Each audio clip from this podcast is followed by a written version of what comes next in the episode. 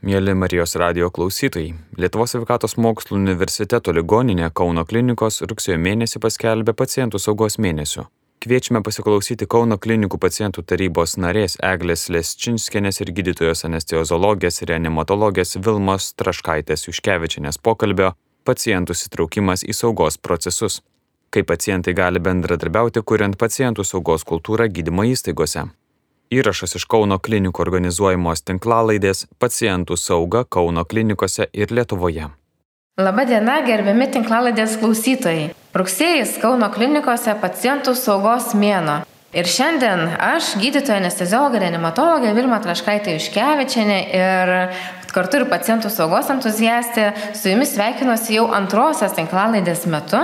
Antrąją rugsėjo savaitę mes kalbame apie pacientų įsitraukimą į saugos procesus, kaip pacientai gali bendradarbiauti, kuriant pacientų saugos kultūrą gydymo įstaigose. Na ir mano pašnekovė šiandien yra Kauno klinikų pacientų tarybos narė Eglė Lešinskinė. Labadiena. Taigi, Eglė, prašau papasakoti, Kauno klinikose pacientų taryba skaičiuoja jau antrą kadenciją. Tai ką veikia pacientų taryba, kokie jau yra nuveikti darbai ir kokie tikslai antrai kadencijai? Tai Kauno klinikose pradėjo veikti antroji pacientų taryba nuo 22 spalio mėnesio. Tai iš esmės tai patariamasis organas, sudarytas iš pacientų, jų artimųjų, būtent patirtims Kauno klinikose gerinti. Pacientų taryba siekia kurti į pacientus orientuotos veikatos priežiūros modelį. Jos nariai atstovauja skirtingoms rytims ir teikia administracijai pasiūlymus, gerinančius teikiamų sveikatos paslaugų kokybę Aktyviai dalyvauja organizuojamuose konferencijose, mokymuose, moksliniuose tyrimuose, atstovauja tarybą bei garsina jos vardą, įsitraukia į papildomas veiklas. Pirmosios kadencijos pacientų tarybos siūlymai buvo tikrai labai įvairūs ir jie jau yra didžioji dalis įgyvendinta. Tai yra pagerintos tam tikros sąlygos neonatologijos klinikoje, ortopedijos, traumatologijos skyriuje, įrengti skubios pagalbos mygtukai naujagimių skyriuje ir daug kitų darbų turbūt, kur pacientai tikrai jaučia, mato ir naudojasi tuo. Antros kadencijos pacientų taryba šiuo metu vystomas socialinio palidėjimo projektas. Įgyventinami sekantis pasiūlymai gerinama infrastruktūra, kaip patekti iš vienos klinikos į kitą, paciento gydimo kelio sakamumo užtikrinimas, atgalinio ryšio kūrimas, registracijos pas gydytojus aiškumo ir skaidrumo užtikrinimas. Siekiama įrengti dviračių parkingą, kuris reikalingas tiek pacientams, tiek personalui. Įvairių priemonių centralizavimas. Turime didelį pasiūlymą, kaip įdėkti ligoninės įrangos lokacijų technologijų žemėlapį, kuris rodo, kurioje vietoje dabartiniu metu yra reikalinga įranga ar technika. Aišku, tai sumažintų technikos poreikį, nes būtų aišku, kurioje lokacijoje jisai yra. Ir panaudojimas būtų tikrai ženkliai efektyvesnis. Ir aišku, panašus pasiūlymai.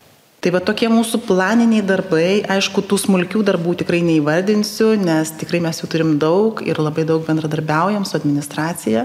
Jie noriai įsitraukia į mūsų pasiūlymus ir mato tame tikrai daug racijos ir stengiasi.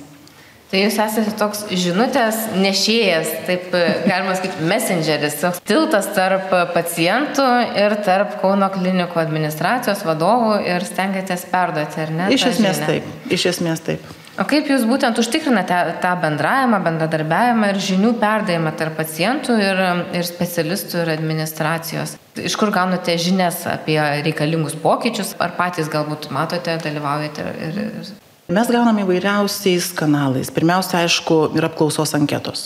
Jos yra organizuojamos klinikos, klinikų darbuotojų, bet taip pat ir analizuojam pacientų ir jų artimųjų gautus laiškus. Į pacientų tarybos paštą turime sukūrę elektroninį paštą. Taip pat yra iš pacientų grupės atstovaujančių organizacijų, jiems taip pat pateikia tą informaciją. Gydytojai, slaugytojai, tyrėjai, verslo atstovų rekomendacijos yra įvairiausios. Ir taip pat yra tie visi patiriminiai dalykai, kur tiek artimųjų patirtis, tiek, tiek mūsų pačių patirtis. Ir, ir pacientai, kada dalinasi savo patirtimis, aišku, kartais tai būna tokia lyg ir sugedusio telefono, bet žinot, nėra, nėra dūmų be ugnies. Tai paprastai įsigilinus į tam tikras situacijas, matom kai kuriuose vietose spragas, spragelės, tai stengiamės įsigilinti ir daugiau, didesnė apimtimi. Ir jeigu tai yra problema, mes ją keliame ir, ir žiūrime, kaip galima pagerinti, patobulinti, tiesiog, kad visiems būtų gerai. Mes žiūrime ne tik iš paciento pusės, žiūrim, kad ir gydytojam, ir slaugytojam, tai va tos ir aktyviosios dienos, ar ne, buvo, buvo mhm. pacientų tarybos iniciatyva. Tai svarbu, kad būtų gydytojas palsėjęs tam, kad tai būtų kokybė. Ir ne tik gydytojas, aš turiu galvoje medikus. Teisus, taip, tas labai svarbu. Tai reiškia, pacientai jūs nevengia kreiptis tiesiogiai, ar ne, su ne. savo kažkokiais klausimais? Ne, pilnai mes turime ir, turime ir, ir kažkokiu tai skundų, ir padėkų turime, ir mes jas persiunčiam administraciją, administracija savo ruoštų, aišku, jau, jau priima vienokius ar kitokius mhm. sprendimus, gyria ar truputėlį papeikia. nu, kaip ir, kaip ir priklauso. Na, medikų tarpe vis daugiau yra kalbama apie pacientų saugą, mes turim tokią iniciatyvą kaip rugsėjais pacientų saugos mėno, kalbam kaip ją pagerinti, kaip užtikrinti ir panašiai. Ir medikai po truputį jau lyg ir supranta ir įsivažiuoja šitos temos, jos įgauna pagreitį, darosi vis populiaresnės. Bet ar pacientai supranta tą saugos koncepciją, ar pacientai rūpinasi savo sauga ir ar supranta, kad tai yra svarbu tuo rūpintis aktyviai? Mhm. Pirmiausia, medikas pats tai taip pat jis yra kažkieno pacientas. Tai va, todėl medikas, aš manau, puikiai supranta, kas tai yra paciento sauga. Nes truputėlį kitaip žiūri jau kaip medikas, kuris, kuris turi tą patirtį, kaip galima būtų padaryti geriau. Tai be abejo, pacientų sauga yra labai svarbus aspektas sveikatos priežiūros rytyje. Ir apima visas priemonės, kurios skirtos užtikrinti, kad pacientai būtų apsaugoti nuo žalos ir gautų saugę, aišku, savaime efektyvę, aukštos kokybės sveikatos priežiūrą. Ir manau, kad e, pacientų sauga apima daugelį dalykų. Tai pirmiausia, aišku, informuotumą. Tai pacientų svarbiausia yra sveikatos užtikrinimas, gaunant kokybiškas paslaugas. Kas yra pacientų sauga kaip savoka, aš manau, kad pacientas, galbūt tik išprusęs pacientas daugiau supranta tai. Bet ta problema yra didžiausia tame, kad komunikacija yra pirmoje vietoje. Pacientams turi būti teikiama aiški ir suprantama informacija apie jų būklę, gydimą, procedūras ir galimas komplikacijas, tam, kad tai padėtų patiems priimti informuotus sprendimus dėl jų sveikatos ir mažintų nesaugumo jausmą.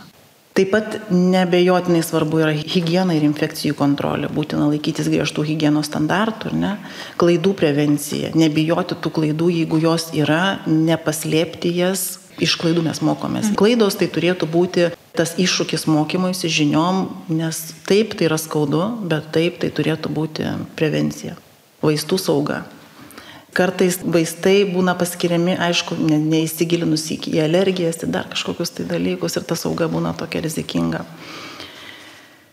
Taip pat atsiliepimų ir skundų tvarkymas. Mhm, Tie skundai, jie taip pat yra Vat kaip ir sakiau, nėra dūmų be ugnies, ar ne? Tai paprastai mes nesiskundžiam tol, kol netrūksta ta kantrybė ir tada jau, kai trūksta, tada jau gimsta tas skundas. Dauguma pacientų supranta, kad pacientų sauga yra svarbi tačiau gali nežinoti, kaip prisidėti prie savo saugos. Ir svarbu, kad sveikatos priežiūros įstaigos specialistai aktyviai bendrautų su pacientais, suteiktų jiems reikiamą informaciją apie saugos priemonės, kaip elgtis turėtų jie sveikatos priežiūros įstaigoje, taip pat turėtų informuoti. Bendro žinios apie pacientų saugą yra svarbios visiems, nes tai prisideda prie geresnės sveikatos priežiūros visuomeniai. Ir aišku, sumažina medicinos klaidų, pagerina pacientų gyvenimo kokybę. Tai galim sakyti, kad pacientas jaučiasi saugus, kai jis yra gerai informuotas, ar ne, kai jis žino, kas vyksta, kas jo laukia, tai pagerina jo saugumo jausmą. Vienareikšmiškai. Kiek man asmeniškai yra tekę dalyvauti įvairiose komisijose Kauno klinikose, kur nagrinėjom skundus, kai pacientai skundžiasi, kai kas nors įvyko ne taip, kaip jie galvoja, kad turi vykti, tai labai didelė dalis skundų yra susijęs su komunikacija. Ir jų būtų galima išvengti, jeigu būtų paaiškinta pacientui, papasakota arba prieš įvykį, kad gali kažkas nutikti, arba tinkamai komunikuojama jau po įvykio, kai galbūt kažkas nutiko taip, kaip, kaip mes nenorėjom. Tai ta komunikacija vėlgi atrodo grįžtam prie bazinių tų pačių dalykų, bet yra labai svarbi ir pagerina ne tik tai pacientų saugumą, bet ir pasitenkinimą turbūt, ar ne, tom teikiamom paslaugom.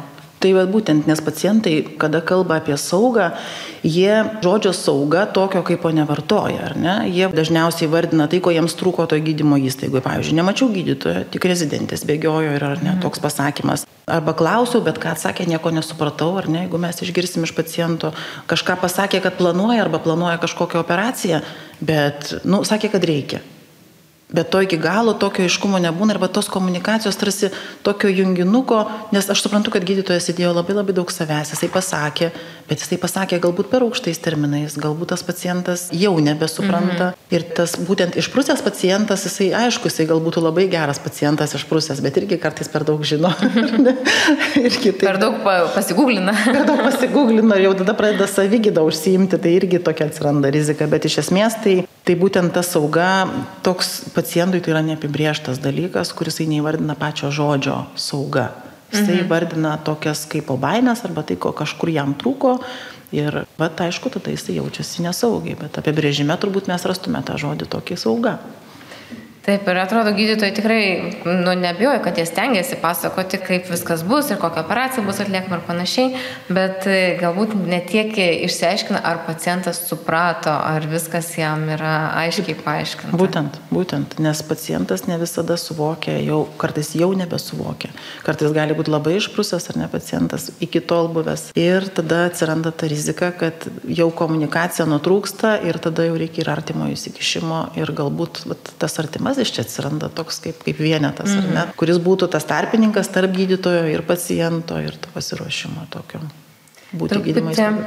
Šiek tiek užsiminėt apie klaidas, kurios be abejo, kad ir kaip stengtumėmės jų kartais pasitaiko ir mes negalim šimtų procentų išvengti, bet labai ilgą laiką buvo manoma, kad gydytojai neklysta, kad komplikacijų nebūna, kad sveikatos priežiūra yra šimtų procentų saugi ir nieks čia nesuklysta ir viskas būna kaip suplanuota. Kaip pacientai dabar reaguoja, po truputį suprasdami, kad visgi galbūt tos klaidos yra neišvengiamos ir mes turime dirbti, kad jų nebūtų, bet turbūt nebus niekada šimtų 100 procentų neklistamumą? E, pacientui tai vad būtent ir kelia tą baimę.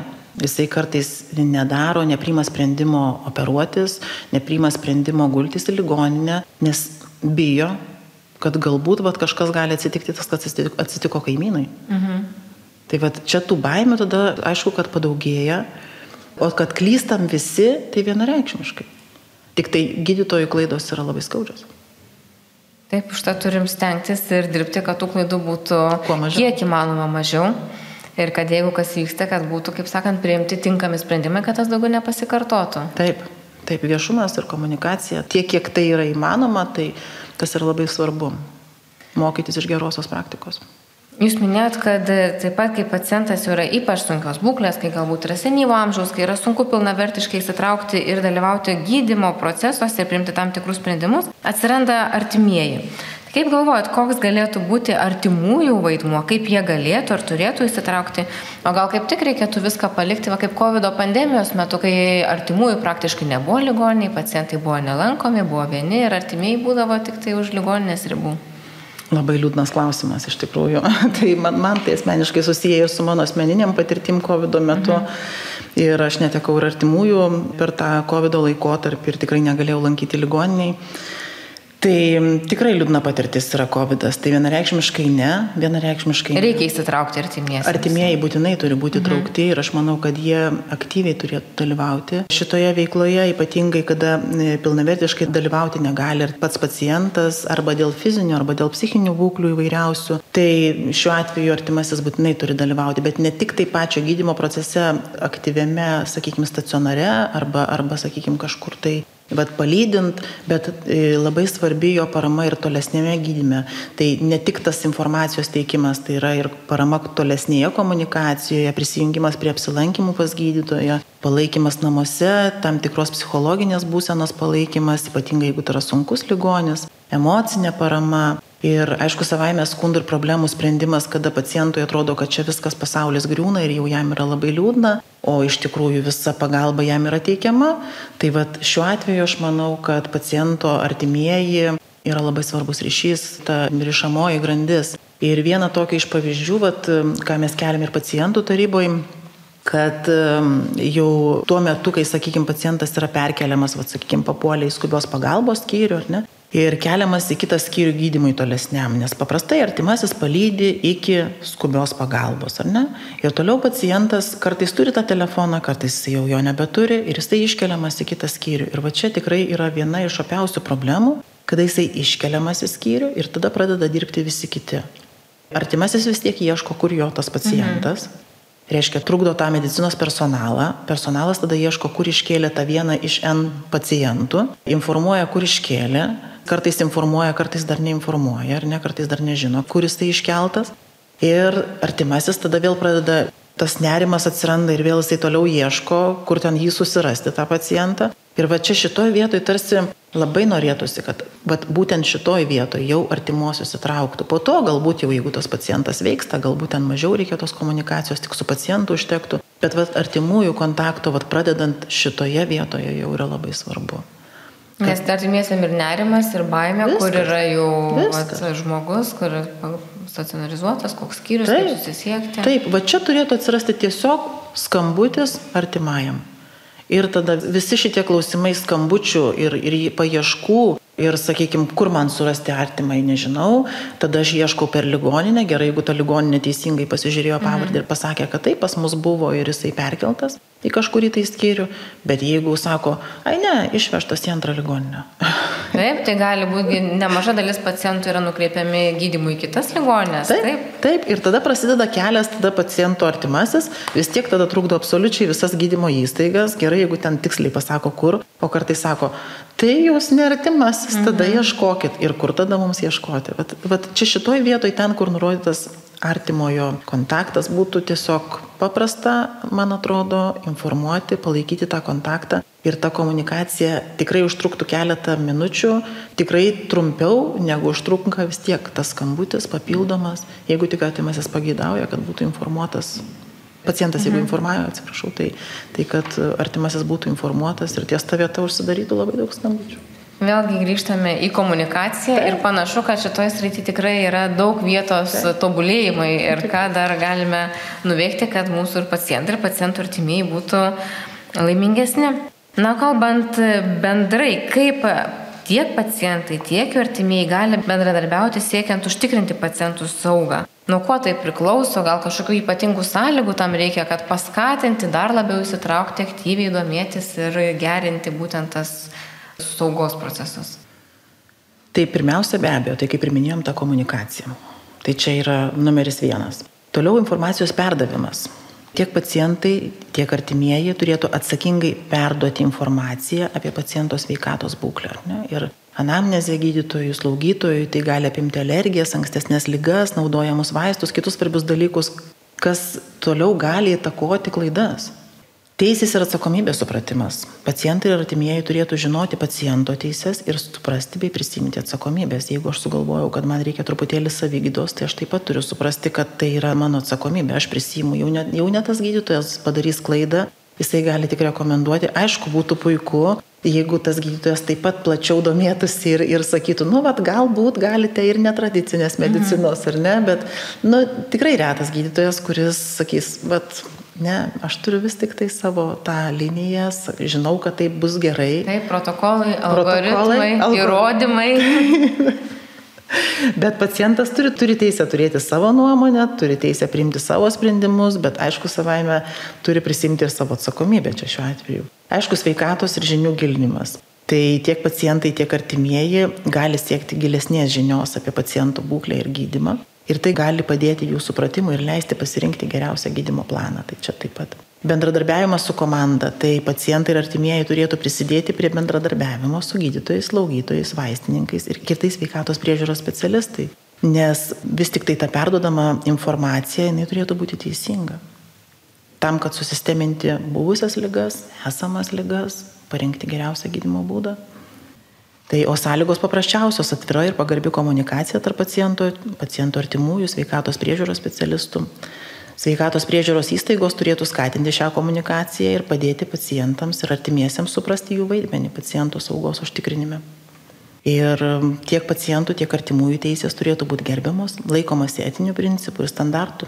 Bendradarbiavimas tarp visų šalių tik tai padės užtikrinti ir pagerinti sveikatos priežiūros kokybę mūsų Bet mes esam pacientų taryboje apie tai šnekėję tokį, tokį abipusį saugumo jausmą keltų, jeigu jau nuo registracijos į gydymo įstaigą momento atsirastų truputėlį kita komunikacija. Vat vėlgi grįžtam prie tos mhm. pačios komunikacijos. Ir mm, keliame šį klausimą susitikimų su administracija metu. Aišku, čia daugiau gal IT specialistai turėtų bendradarbiauti. Ir siūlome tobulinti lankstinukų dalinamų rengiantis operacijoms atmintinės formuluotės, nes e, jeigu vien tik tai užsiregistruojant pacientas gautų tą informaciją, kad turiu susirašyti vaistus, turiu išsiaiškinti, kada buvo paskutinis mano vizitas pas vieną ar kitą gydytoją ir tiesiog susirašyti, alergijas kažkada buvusias, ar ne, pasidaryti mhm. tiesiog namų darbus. Arba gal tiesiog duoti kažkokią formą pacientui užpildyti Taip. prieš operaciją ir nesuaktualią informaciją. Kad jisai ne tai, kad tada, kada jau jisai atsigulė į ligoninę, bet kad mhm. jisai... Kad namuose. Namuose tai tą turėtų, mhm. ar ne, va tą namų darbą atliktų namuose ir netgi registruojantis pa šeimos gydytoją, jisai susirašytų, kokius šiandieną vaistus aš vartoju. Nes nebūtinai tą, ką surašė šeimos gydytojas prieš tris mėnesius, šiandien aš vartoju. Taip, tai būna, kad ir pamiršta, ir patys nutraukia pacientai. Taip, tai tie namų darbai, svarbiausia, kad būtų jisai atvyktų pasiruošęs, aiškiai įvardintų turimas lygas, turimas negalės, vaistus, dozuotės. Ir tai manau, kad klaidų tikimybė taip pat ženkliai sumažintų, nes kartais ta alergija būna tokia visiškai netikėta, ar nesprokstamoji, mm -hmm. tokia tikras. Ir turbūt iš, iš medicinos darbuotojų pusės galėčiau pasakyti, kad turbūt tuos pacientus ir artimuosius, kurie aktyviai domisi gydimu, turbūt reikėtų žiūrėti daugiau pozityviai negu negatyviai ir skatinti jų domėjimąsi ir paaiškinti, aišku, nors ir laiko trūksta, suprantu, gydytojai ir, ir slaugytojai užsiemi, bet skatinti domėjimąsi ir aiškinimą, negu galvoti, kad aš čia viską geriau žinau, kodėl čia manęs dar klausinė kažkokių papildomų klausimų skatinti kryptingai. Kryptinga domėjimą. Bet jeigu gydytojas paskatintų kryptingai ir mhm. parodytų galbūt vieną kitą straipsnį tą linkme, ar ne, mhm. Vat, nurodytų kažkokią nuorodą turėtų, tai būtų tiesiog tikrai puiku ir aš manau, kad tas pacientas teisinga linkme nukeliautų. Aš turiu savo šeimos daktarę, kuri būtent taip ir daro, nes aš nesu tas pasyvus pacientas, man įdomu, kas su manim vyksta ir jeigu man kažkokiu kyla klausimų, tai mano šeimos daktarė tikrai visada man paaiškina, visada dar pasako, kad čia gali pasiskaityti, pasidomėti, va čia tokių įvykių buvę arba čia toks pat straipsnis ir mes tikrai labai gražiai komunikuojam. Taip, tikrai geras pavyzdys. Nukreipti tikslingai, Tiksl, tikslingai. Kryptingai. Taip. Tai vad, jeigu kryptingai, tai aš manau, kad pacientas taip pat bus patenkintas ir jisai kryptingai pasidomės tuo, ką pasiūlė gydytojas. Ne tik vaistais, bet ir, sakykime, kažkokią gydimo praktiką, kažkokiu tai, vad, nu, kas ten galėtų įvykti, jeigu vienai par kitaip atsitiktų. Tai, tai yra labai svarbu. Tikrai taip. Visgi neretai pastebim, kad pacientai ir artimieji įsitraukia aktyviai į pacientų gydimą. Ne tik, kad nepadeda, bet gali ir trukdyti tam visam gydimosi procesui, medikų darbui. Ką galėtumėte, nežinau, galbūt patarti tiem pacientam, kaip jie dalyvaudami savo pačių gydymą galėtų padėti, bet nekenkti ir netrikdyti to proceso? Nes mes irgi susidurėm, va tiek aš kaip anesteziologė ir iš kolegų patirties, kad ateina pacientai arba jų artimieji, filmuoja, tarkim, įrašinėja gydytojus, atliekamas procedūras, kas aš tikiu net ir puikiausiai gydytojo gali išvesti, išmušti iš vėžių ir paskui, aišku, tik tai dar didina tos klaidos tikimybę, o nepadeda. Vienareikšmiškai. Bet tai, ką jūs ir sakote, tai čia vyksta tada, kada trūksta supratimo, arba bendradarbiavimo su medicinos personalu. Manau, to filmavimo turbūt nebūtų, jeigu nebūtų kažkokios karčios patirties, ar ne, arba kažkokio tai, nu, manau, kad nelabai gero pavyzdžio, kad, nu, bet ten irgi buvo filmuojama ir, va, atsitiko tada geriau.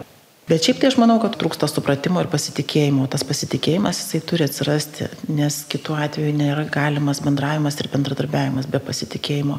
Pacientas atėjęs į gydymo įstaigą pirmiausia turi tikėti tuo gydytoju, Nes nėra ko eiti tada į gydymo įstaigą, tada keiskite gydytoją. Jeigu jūs šituo gydytoju nepasitikit, tikrai yra daug puikių gydytojų, kurie jūs priims ir tikrai filmuoti gydymo įstaigoje, tai čia net, aš manyčiau, kad tai netoleruotina, bet, bet nu, yra visokių pacientų pas mus. tai tam, kad pacientai galėtų dalyvauti savo gydime be perteklinių problemų, tai tikrai turėčiau tokių patarimų, kad pirmiausia, tai išsiaiškinkime savo būklę nuo pradžios iki pabaigos. Supraskime diagnozę, gydimą ir tada bus lengviau bendrauti ir bendradarbiauti su medicinos personalu. Nebijokime klausti, nebijokime užduoti klausimus, klauskime gydytojų ir kitų specialistų, jei ką nors nesuprantame. Ir jeigu, jeigu mes nesupratome, nebijokime paklausti dar kartelį. Galbūt paprašykime gydytojo paaiškinti ne tokiom aukštom frazėm, nebijokime įvardinti to žodžio aukštom mhm. frazėm, nesupratau, tiesiog pasakykime, nesupratau. Ir tikrai gydytojas nusileis iki tam tikro ligmens, išaiškins paprastuoju būdu, kaip, kas. Labai man patiko kardiologų gydytojų, kurie po infarkto pasima e, savo vat, lankstinuką, nelankstinuką, tokį susektą sektuvą, ateina pas pacientą ir parodo, kurioje vietoje jam kas įvyko, infarktas, kas tai yra, Ir vad kas jums įvyko ir kas bus, jeigu vad toliau jūs nesigydysite ir taip toliau. Tai man tas tikrai labai patiko, valiko įspūdį, matant, kaip tai vyksta, jeigu tai darytų ir, ir kitų specializacijų gydytojai, tai nu, vaizdinė priemonė yra labai gerai. Ir ilgiau išlieka ta informacija. Taip, taip. Taip pat e, reikėtų vartojant vaistus vartoti taip, kaip iš tikrųjų parašė gydytojas. Jeigu jau jaučiat, kad negerai kažkas, tai, tai ir tarkime su tuo išrašiusiu gydytoju mhm. tuos vaistus. Be abejo, kartais tie vaistai neužtenka vien tik vaistų. Yra maistas ir gyvenimo būdas. Kartais mes sakom, kad vaistai neveikia, bet apsisukim aplinkui ir pasižiūrėkim savo šaldytuvą, ant savo stalo, ką mes dedame į burną. Ir ar viskas tikrai tvarkoje su tais vaistais tada. Gal su vaistais yra tvarkoje, bet ne viskas tvarkoje su maistu. Tai va, būkime atsakingi savo sveikatos atžvilgiu, darykime viską, kad pagerintume savo sveikatą, laikykime specialistų rekomendacijų ir tada manau, kad pastebėsime pokyčius savo būkliai. Ir aišku, savaime apsvarstykime konsultavimąsi su specialistais. Jeigu turime daugybę skirtingų sveikatos problemų, sudėtingą gydimo planą, Galbūt būtų naudinga konsultuoti su medicinos koordinatorium ar kitais specialistais, kurie gali padėti suprasti, organizuoti mūsų gydimo planą. Nes neužtenka kartais vieno gydytojo, tam aišku yra šeimos gydytojas. Kartais mes nepasitikim to šeimos gydytojų, kreipiamės į vaistinės, matau dabar vaistinės taip pat reklamuojas ir ne, kad galime jums suderinti vaistus, pažiūrėti, ar mhm. atitinka mhm. vaistas, sąveikas tų vaistų. Ir be abejo, mes turime suprasti savo teises ir pareigas. Tai tos teisės paciento yra mūsų ir teisė ir privatumą yra, ir teisė būti informuotam taip pat yra teisė, bet mūsų pareigos yra prisimti atsakomybę už tai, ką mes darome patys. Negalim kaltinti kartais vien tik tai gydytojų, turime atsisukti į save, pasižiūrėti, ar viską patys teisingai padarė. Ir gydytojai ir kitas medicinos personalas yra čia, kad mums padėtų, bet taip pat turime būti savo sveikatos priežiūros gynėjai. Svarbu yra atvirumas, supratimas, bendravimas Ir jeigu turime sunkumo ar abejonių, turime būti pasiruošę kreiptis į specialistus ir paprašyti pagalbos. Tiesiog paprašyti. Ir aš nebejoju, kad be kamerų tas viskas įvyks mums sėkmingai. Tikrai taip ir svarbu yra tas bendradarbiavimas ir, kaip sakant, pasidalinta atsakomybė tiek gydytojų, slaugytojų, visų sveikatos priežiūros sistemos darbuotojų, bet ir paties paciento. Na ir kaip Jūs matytumėt vaidmenį gydymo įstaigų kaip institucijų, mes daug kalbėjom apie artimuosius, apie pacientus, apie gydytojus ir slaugytojus, tos sveikatos priežiūros specialistus, kaip jie visi gali bendradarbiauti. Bet jeigu paimtumėm gydymo įstaigą kaip instituciją, kokių sąlygų toje institucijoje gali reikėti, kad bendradarbiavimas vyktų ir pavyktų ir būtų pasiekti geri rezultatai? Tai be abejo, kad e, tiek iš medikų, tiek iš gydymo įstaigų pusės reikalingos tam tikros sąlygos ir praktikos. Tai aišku, manau, kad pirmiausia yra atvirumas ir pagarba. Medicinos personalas turi būti atviri pacientams ir jų artimiesiems, klausyti, išgirsti jų pageidavimus ir jausmus. Turbūt ko gero net jausmus labiau kartais, nes tie pageidavimai kartais būna tiesiog būti sveikam, o jausmai jo gali būti ir sumišę to žmogelio. Ir pagarba paciento nuomoniai, jo teisėms yra esminė, nes jei pacientas turi kitokią nuomonę arba planą nei gydytojas, tai bet kokiu atveju mes turime surasti bendrą atskaitos tašką. Taip pat sveikatos informacijos prieinamumas. Gydytojai ir medicinos įstaigos turi užtikrinti, manau, kad pacientam ir artimiesiems būtų pateikiama suprantama informacija apie paciento būklę, gydimą, procedūras, kitus svarbius dalykus. Tai turėtų būti padaryta suprantama kalba abiem suprantama kalba, abiem pusėm suprantama kalba. Bendradarbiavimas. Medicinos personalas turi aktyviai bendradarbiauti su pacientais ir artimaisiais, kad būtų galima nustatyti bendrus tikslus ir suderinti gydimo planus. Aišku, savaime čia tas bendradarbiavimas užima laiko. Taip, o gydytojas, o gydytojas mažokai to laiko turi. Tiesiog mažokai skiriama jam laiko kad galėtų pasidalinti tuo laiku su pacientu, nes tikrai pats gydimo procesas užima tikrai daug laiko. Tai tas yra suprantama. Nu ką, galim pasakyti, mažai gydytojų. Saugos priemonės, tai medicinos įstaigos turėtų procedūras ir politikas skirtas pacientų saugai užtikrinti. Tai apima, aišku, ir hygienos, ir infekcijų kontrolės standartus, vaistų dozavimo tikslumą, klaidų prevencijos priemonės. Mokymas Nors atrodo ir mokosi per medicinos personalas tikrai labai daug, ar ne, reikia ir licenzijos pratesimui, turite labai daug įvairiausių, įvairiausių praeiti kursai, konferencijos. konferencijos. Bet kartais panašu, kad to truputėlį pritrūksta. Kartais. Ne? Gal mokomės ne tų dalykų, gal reikia mokytis, kaip bendrauti, kaip teikti informaciją, o ne vien tik tai tų kietųjų tokių, kas yra susijęs su gydimu, algoritmais, vaistų dozėm ir panašiai. Bet apie tai, kad tai turėtų būti ir tie minkštieji, tos minkštosios technologijos, ar ne, tai be abejo, jos turėtų būti. Ir kartais, kartais įstaigose tai būna kaip atsipalaidavimo priemonė, ne, bet, bet to reikia ir pačiam gydytojui, kaip gydytojui, bet ir kaip pacientui jam taip pat reikia. Mhm. Atsiliepimų tvarkymas. Medicinos įstaigos turi turėti aiškiai atsiliepimų tvarkymo procedūrą ir užtikrinti, kad pacientams būtų suteikta galimybė pateikti atsiliepimus ir skundus dėl paslaugų kokybės ir saugos. Šie skundai turėtų būti rimtai vertinami ir tyriami. Jo labiau, kad nors skundus Kauno klinikos, skundus atsiliepimus yra tos dėžutės, mhm. ne, ir, ir galima ir elektroniniu būdu pateikti. Nežinau, ar visos tos anketos atsako į visus pacientų klausimus, ar tikrai ta informacija yra kokybiška ir ar tikrai yra tinkama imtis tos apklausos, tam, kad galėtume pasakyti, kad va, viskas pas mus yra gerai. Kartais nėra gerai. Ir ta imtis, manau, yra per maža, kad mes jau galėtume džiaugtis, kad apie mus visai neblogai atsiliepia. Jo labiau, kad ta imtis, kuri atsako į tos klausimus, elektroniniu būdu, mhm. tai iš esmės yra vienaip ar kitaip jaunesnė kategorija, kurie... Taip, vyresnius naudoti. pasiekti dar yra sudėtinga. O vyresnius pasiekti yra sudėtinga. Ir vat šiuo atveju tie vyresnieji, kurie galbūt pasakytų kažką tai daugiau, popierinių anketų jau nebelabai pildo, sako, ai, o elektroninių anketų nebemoka pildyti. Tai va tada ir gaunasi toks truputėlį mūsų iškreiptas skaičius, kaip mes jaučiamės, ar mes iki galo esam patenkinti. Ir vaizdas taip pat yra šiek tiek, irgi reikia vertinti atsargiai tą atsargiai. vaizdą, kurį mes gauname iš taip, anketų. Nesimtis nėra, nėra ta, kurią galėtume vadovautis pilnai. Be abejo, technologijos, modernios technologijos gali padėti pagerinti pacientų saugą ir bendradarbiavimą. Elektroninės veikatos sistemos gali palengvinti informacijos perdavimą ir saugojimą. Švietimas. Medicinos įstaigos gali organizuoti pacientų ir jų artimųjų švietimą. Švietimo programas įvairiausias, kuriuose būtų mokama apie pacientų saugos principus, veiką gyvenimo būdą ir kitus svarbius aspektus. Dabar, kaip ir mačiau, yra prie e, šeimos klinikų atsiradę šeimos gydytojo komanda ta papildoma, mhm. ar ne? Su sveikos gyvensenos specialistu. Su sveikos gyvensenos specialistu. Tai va tik tai tiek, kad aš manau, kad jį reikėtų ženkliai efektyviau išnaudoti kad tai galėtų būti ne jisai nukeliautų pas pacientą į namus, bet galbūt gydymo įstaigoje rastų kažkokį tai didesnį galbūt kabinetą, kur pasikviestų keletą va, tų gyventojų, kurie priklauso tai šeimos klinikai ir galbūt pravestų kažkokį tai mokymą vienokią ar kitokią temą.